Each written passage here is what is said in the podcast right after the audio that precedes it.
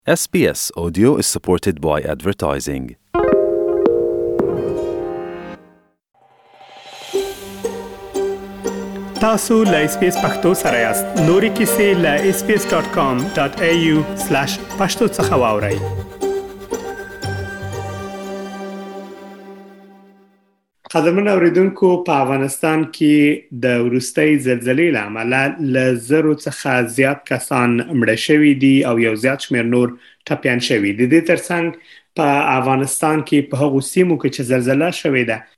ډیری کسان دې ته مجبور شوي دي ترڅو په خیمو کې شپې ورځې تیرې کړي ځکه کورونه ویجاړ شوي دي او همدارز ویل کیږي چې وضعیت په سیمه کې ډیر ښه نه ده په استرالیا کې میشت افغان چې اوس افغانستان ته تللی دی پکتیا ولایت کې دی او د زلزلې پر مهال هم هلته و ښاغلی محمد عارف حلیمی نو غواړو له ښاغلی حلیمی صاحب څخه واورو چې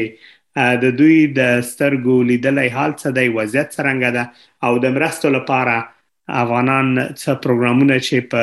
سویلي استرالیا کې لري د دوه مرستو په اړه به هم ورڅخه معلومات واورو خغله حلیمی صاحب ډیر زیاته مننه چې موږ ته مو د مرکې لپاره وخت راکړ که په پیل کې مهرباني وکړئ د خپل سفر په اړه راته وایي چې څومره وخت کېږي افغانستان کې یاست او د غزلزله چې وشو تاسو چیرته وای او په څه وخت د زلزلہ پیښه شو ژوندی اوسې جناب منیب صاحب خوښ یم چې تاسو سره او تاسو مونږ ته بلنه راکړه او د دې یو فاجعه په اړوند چې تاسو اوس دا راپور خبروي ما نه پوښتنه کوي زه خوښ یم تاسو ته هر پوښتنې جواب درکم جناب منیب صاحب زه خو تقریبا دوه مشت کیږي چې دلته اوس په افغانستان کې هم او د کوچنی اختر په نومړی ورځ دلته راورسیدم یو څلور سلسله مشکلات او د کورنۍ نو خوشبخت نه راغلم عام هیوادوال مو لیدل هم دلته ژوند کوو الحمدلله هر څه سي روان دي منظم جناب منیب صاحب بدبختانه ساسو بهتر او څو ورځې وړاندې دلته یو ډیره شدیده زلزلہ وشوه چې هغه خصوصا د درې من درې ولایتونو ډېر سخت خوځپل پکتیکا او پکتیا او خوست خو پکتیا دومره نه و ټکان ډېر زیات خو دشته د شپې تقریبا یو نیمه بجه وه ټاکان ډیر سخت وو کورونه اکثره خلک روي روتل او ویر احساس کړه او سبا چې مونږ بیا ولیدل لبد مرغه چې د مونږ نه تقریبا یو سل کیلومتر لري ده پکتیکا ده او د خوخوسته هغه وکی ډیر تلفات من سره ور خلک ډیر وژل شول شهیدان شول پکې لبد مرغه مونږ هم تقریبا دلته بعضی خلک دوستان چې هغه ته غوسره رابطه لري ډیر خوشنی وو نو همدا سلسله باندې بیا ورسته موږ د جنوبي استرالیا د ټولنو مشرانو سره وغږیدو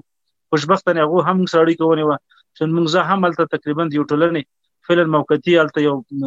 په اصطلاح چې مشرتاوی مو په غاړه ده نو هغه مشورو سره همدا لړۍ روانه ده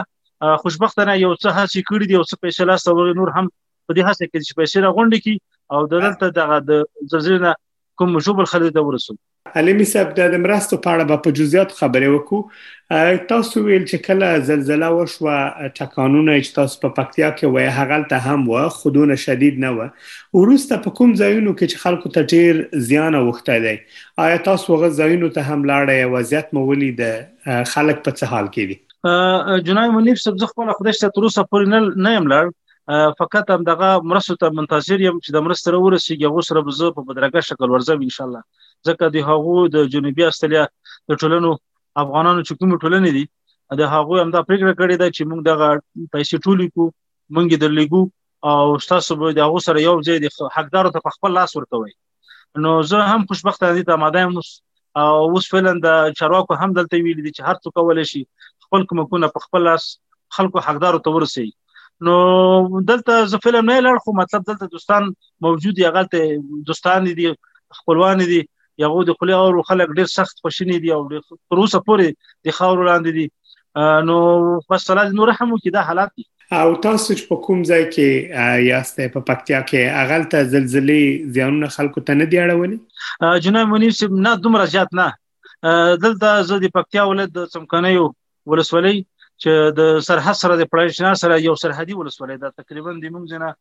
پړشنار ته یو 25 10 کیلومتر لار ده په دې ساحه کې موږ پرتیو ټکان ډیر زیات خو دشته خو د سیو تحریب نه درمنځته کړي چې ژوبله یا مثال مشاهدان رامنځته شي نو خوشبختانه دلته نه شوی خو د موږ سره نږدې خوست چون تا ته معلومه ده چې پکتیا یو طرف ته پاکستان سرحد ده بل طرف ته خوست پکتیا او بل طرف ته لوګر ده نو د پکتیکا او خوست یو کې ډېر تلافات مې سره غلي دي نو او تر اوسه هم د څور ځکیږي مسلسل هلته ټکرونه روان دي هغه تقریبا تر اوسه پورې زلزلہ لا جریان لري وخت په وخت ټک هم نشته وروسته له هغه چې عالمي صاحب د چهارشنبې په ورځ زلزله وشوه او چې ډیره شدیده و تر هغه وروسته هم راپورونه ځینې ښیي چې ځینې ټکانونه د زلزلې تر هغه وروسته هم و غواړم له تاسو نه وګورم چې دا ټکانونه د زلزلې چې وای د سابق په اندازې قوي نه و دا یا تاسو په پکتیا کې هم احساس کړی کې आवाज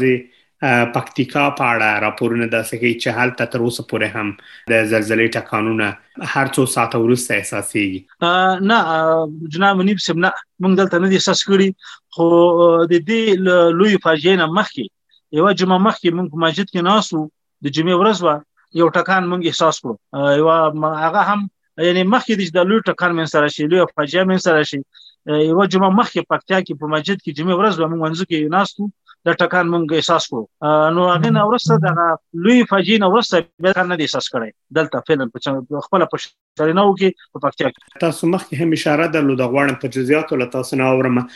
د پکتیا په کوم ولسوالیو کې خلکو ته زیات زیانونه اوښتي د زلزلې خو البته تاسو وویل چې په ډیر ولسوالیو کې احساس شوی ده په حتی په ولسوالۍ کې چې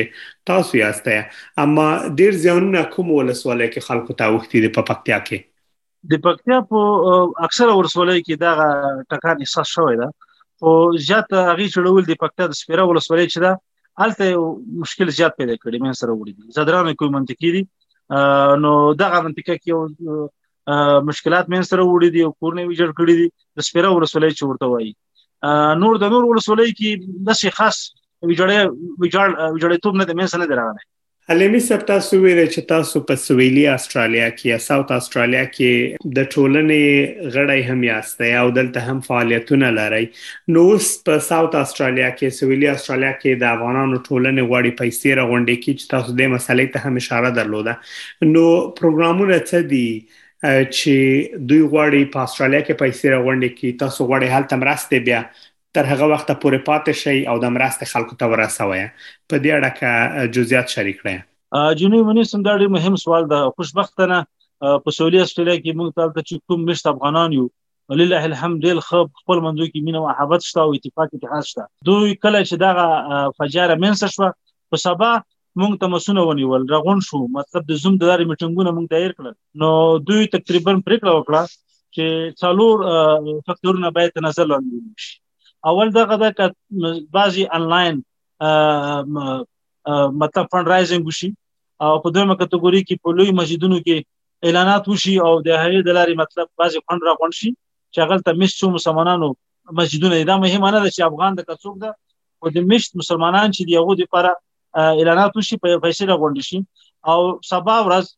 همدا اوس اوس میټینګ نه فارغ شوم سبا ورځ یو لوی فتحه دوی دایره کړی ده چې هغه فتحه هم دوی په نظر کې نیولې ده چې خلک راغون شي او هم فتحه وشي عین وخت کې فنډرایزینګ یو چنده یا پیسې هم هغه لپاره ورکړل شي او په دریم حالت کې به چې کومه ده بیا هغه لپاره مطلب یو بل فند رایزینګ کیږي چې شاید هغه هلته بیا هم خارجان هم دعوت کیږي چې د جنوبي خلک هغه به هم هغه وروته کیږي هغه ته دعوت ورکوي کیږي نو ان شاء الله په دې باندې هم کار روانه ده ښاغلی محمد عارف علمي له تاسو نه ډیره زیاته مننه چې دا معلومات مو شریک کړه په راتلونکي کې به بیا هم له تاسو سره مرکه ولرو ترڅو جزئیات درڅخه واورو چې کومکونه کله د توزیع لړۍ پیل شي نو تاسو نه به هغه وخت لا ډیر جزئیات واورو ډیره زیاته مننه ان شاء الله جناب منیب صاحب خوښ یو تاسو سره وو ان شاء الله سزال ته موږ په خیر لاړ شو تاسو سره ټول معلومات شریکوم